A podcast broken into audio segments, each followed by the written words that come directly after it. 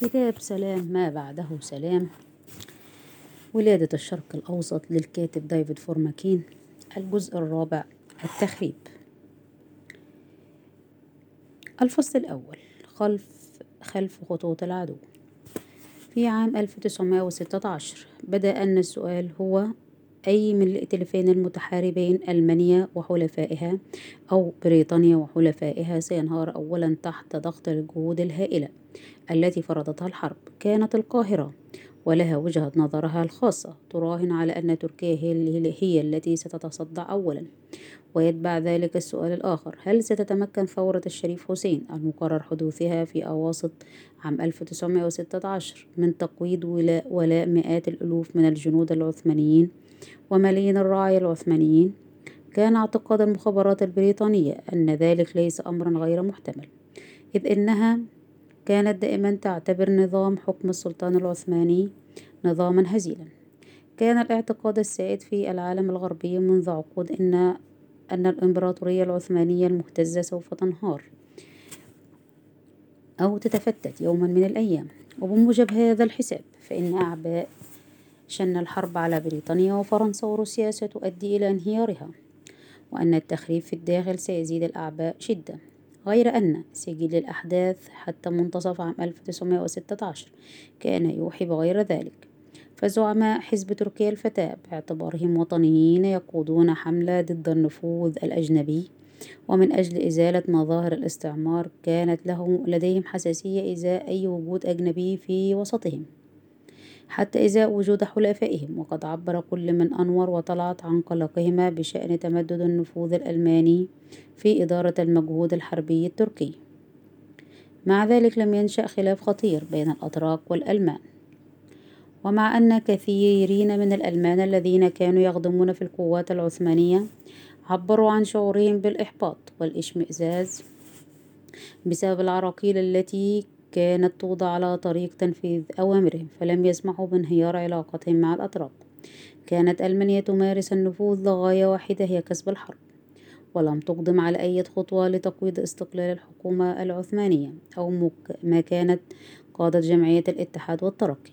وقد أظهرت ألمانيا أكثر من أي دولة عظمى أخرى في الجانبين المتحاربين قدرة على الحيلولة دون تدخل طموحاتها في آسيا. لما بعد الحرب في قرارات زمن الحرب. ونتيجة لذلك كانت في أفضل وضع من حيث قدرتها على الاستفادة من فرص إثارة المتاعب خلف خطوط العدو.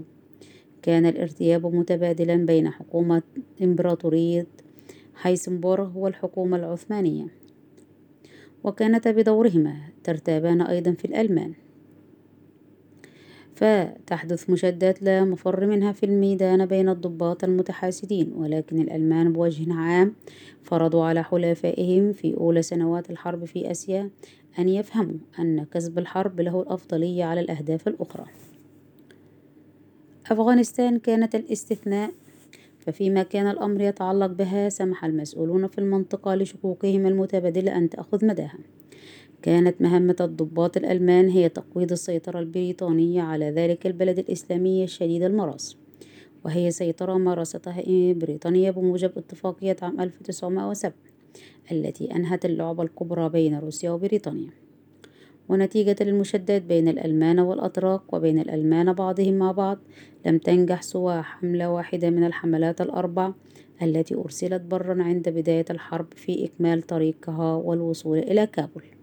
حيث أمضى الألمان ستة شهور يحاولون عبثا إقناع الأمير بدخول الحرب ضد بريطانيا فقد امتنع الأمير عن الإقدام على ذلك ما لم تضع دول أوروبا الوسطى جيوشا في الميدان لضمان نجاح الثورة.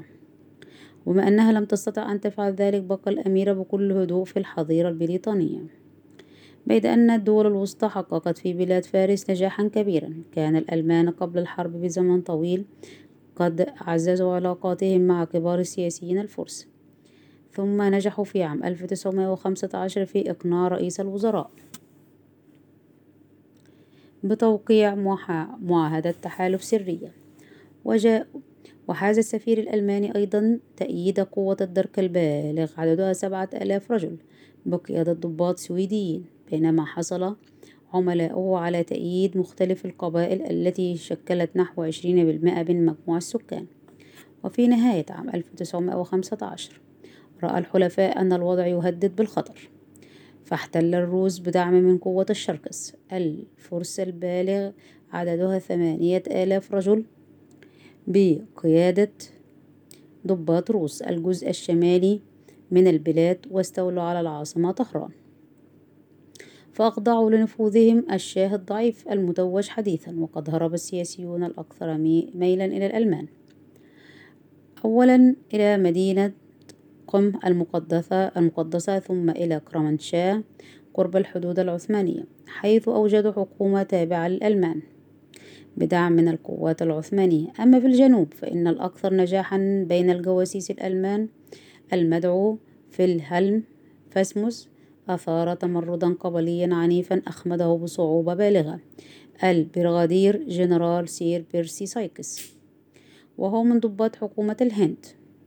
وكان قد أنشأ في عام 1916 قوة من أهل البلاد قوامها أحد عشر ألف رجل بقيادة ضباط بريطانيين.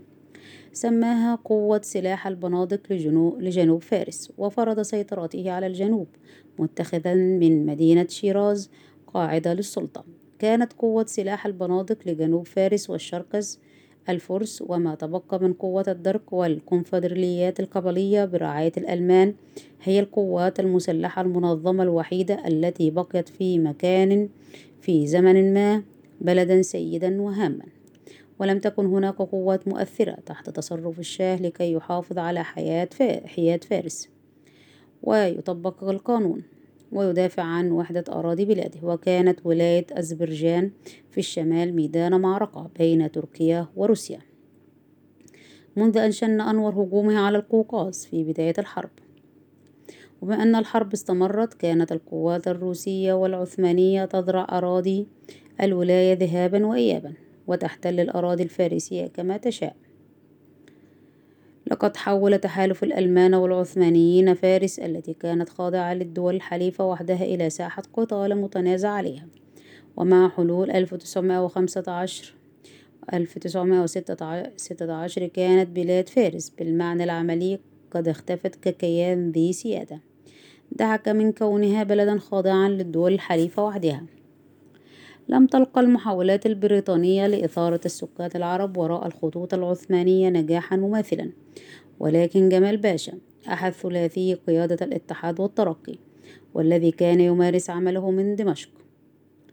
أخذ خطر إثارة العرب مأخذ الجد إلى حد أنه شرع يفتك بالذين يشتبه بأنهم ارتكبوا جريمة الخيانة العظمى. وفي خضم مغاراته على الجمعيات السرية العربية في سوريا عام 1915 نشر في القسطنطينية في عام 1916 كتابا باللغة الفرنسية يحمل شعار الجيش العثماني الرابع. عنوانه حقيقة المسألة السورية. وفي هذا الكتاب قدم الأدلة التي ادعى أنها تسوغ معاملته للمتآمرين المزعومين. وقد تضمن الكتاب بحثا بشيء من التفصيل في الجمعيات السرية وأهدافها. وادعى أن الرجال المدانين خونة وليس قوم وليسوا قوميين. لم يغير السكان العرب ولائهم ولا نعرف هل كان ذلك بسبب حملة باشا أو بالرغم منها. لكن الأمر الأهم للباب العالي أن الجنود العرب أظهروا ولائهم ليس فقط للإسلام بل للحكومة العثمانية أيضا. وقد جاء في مذكرة أعدتها المخابرات البريطانية على أساس مقابلات مع الضباط العرب الأسرى في معسكرات أسر الحرب أن معظم الضباط كانوا في الحقيقة مؤيدين لحزب تركيا الفتاة. وحتى الأقلية منهم التي لم تكن مؤيدة لم تستطع بوازع الضمير أن تقبل القيام بثورة مسلحة والبلاد في مواجهة العدو. كان قادة حزب تركيا الفتاة يعتبرون ولاء السكان غير المسلمين في الإمبراطورية مسألة مشكوكا فيها. وكان الباب العالي يرتاب ليس فقط بالمسيحيين بل باليهود أيضا وخصوصا الستين ألف منهم أو أكثر الذين يعيشون في فلسطين. والأمر الذي أقلق طلعت وزملائه أن ما لا يقل عن نصف اليهود في فلسطين لم يكونوا رعايا عثمانيين. وجميع هؤلاء تقريبا أي الذين لم يكونوا رعايا عثمانيين جاءوا من الإمبراطورية الروسية. وأكثرهم جاء خلال نصف القرن الذي سبق عام 1914 وظلوا نظريا رعايا قيصر روسيا. لم يكن لدى حركة تركيا الفتاة ما يدعوها لعدم الثقة بهم. لأنهم غادروا أوروبا هربا من السياسة والمؤامرات وليس للانخراط فيها. ولما كانوا قد هربوا من المجازر التي تعرضوا لها في روسيا وأوكرانيا وبولندا فقد كان همهم أن يعثروا على وطن جديد.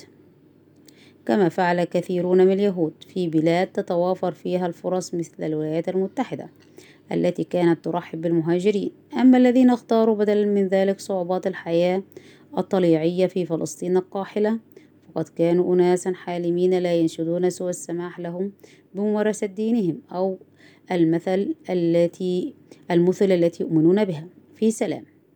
كان الدين حافز بعضهم للمجيء الأراضي المقدسة وآخرون كانت تحدهم فكرة استعادة القومية اليهودية التي كان الرومان قد قضوا عليها قبل ذلك. بألفي عام. غير أن معظم كان من أصحاب الأفكار الاشتراكية بل كان هدفهم إقامة مجتمع المساواة والتعاون في مستوطنات زراعية قادرة على الاكتفاء الذاتي في بلد بعيدة عن معاداة السامية في أوروبا. ولدى وصولهم أحيوا اللغة العبرية القديمة وأحيوا التربة المتآكلة وأوجدوا مبدأ الاعتماد على الذات. وفي مطلع القرن العشرين بدأت مستوطناتهم تزدهر وانتشر أكثر من أربعين منها في الأراضي المقدسة. وأقام اليهود مدنا أيضا وقد بدأوا في عام 1909 ببناء ما أصبح الآن مدينة تل أبيب فوق الكثبان الرملية القاحلة على الساحل. فوجدوا التشجيع والتأييد في الخارج من مجموعة صغيرة نسبيا من اليهود. برنامجها يدعو للعودة إلى صهيون أي الحركة الصهيونية. في نهاية عام 1914 بعيد بعد دخول الإمبراطورية العثمانية الحرب العالمية الأولى اتخذ جمال باشا الذي أصبح حاكم سوريا وفلسطين إجراء عنيفا ضد المستوطنين اليهود. فقد وقع جمال باشا تحت تأثير مسؤول عثماني شديد العداء للصهيونية. يدعى بهاء الدين. فدمر المستوطنات الصهيونية وأمر بطرد اليهود الأجانب كلهم. بعبارة أخرى معظم يهود فلسطين. بدأت أعمال الطرد هذه قبل أن تبادر الحكومة الألمانية بدافع الخوف من تنفير الرأي العام في البلدان المحايدة. إلى إقناع طلعت وأنور بالتدخل. وقد عالج الموضوع السفير الأمريكي هنري مورغنتاو بالتعاون مع السفير الألماني فون فانغنهايم. كانت الحكومتان الأمريكية والألمانية عاجزتين عن التأثير على الباب العالي. ولم يكن الباب العالي في الوقت نفسه قادرا على الدوام أن يضبط أعمال جمال باشا الذي كثيرا ما تصرف بمفرده. وكان ينظر إلى الجالية اليهودية في فلسطين باعتبارها مكمن خطر. وقد ثبت إلى حد ما أن نبوءته هذه أثبتت صحتها ففي حين أن معظم يهود فلسطين اختاروا تجنب التورط في الحرب العالمية عرض ديفيد بن غوريون وإسحاق بن زيفي وكلاهما طالبا حقوق سابقان في جامعة القسطنطينية وكان زعيمين للحركة العمالية الصهيونية أن ينظما جيشا يهوديا فلسطينيا في عام 1914 للدفاع عن فلسطين العثمانية.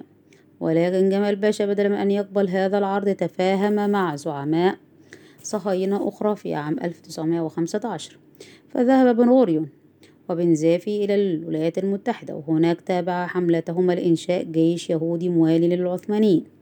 ولكنهما في مطلع عام 1918 انضم إلى تشكيل جيش يهودي أعد للقتال في فلسطين إلى جانب بريطانيا ضد الإمبراطورية العثمانية. فلم يكن ثمة شيء في كل ما فعلته الحكومة العثمانية زمن الحرب يدعوهما للبقاء على ولائهما لتركيا. ومع ذلك وبالرغم من نزوات جمال باشا وإجراءاته القاسية لم يفعل المستوطنون اليهود في فلسطين شيئا لتخريب الإمبراطورية العثمانية إلا أن أقلية صغيرة منهم ولكنها بالغة الفاعلية. كانت تعمل ضد الإمبراطورية العثمانية. عن هذه الأقلية الصغيرة التي كانت بقيادة عالم زراعي يدعى أهرون أهرونسون سنتحدث عنه فيما بعد. انتهى التسجيل.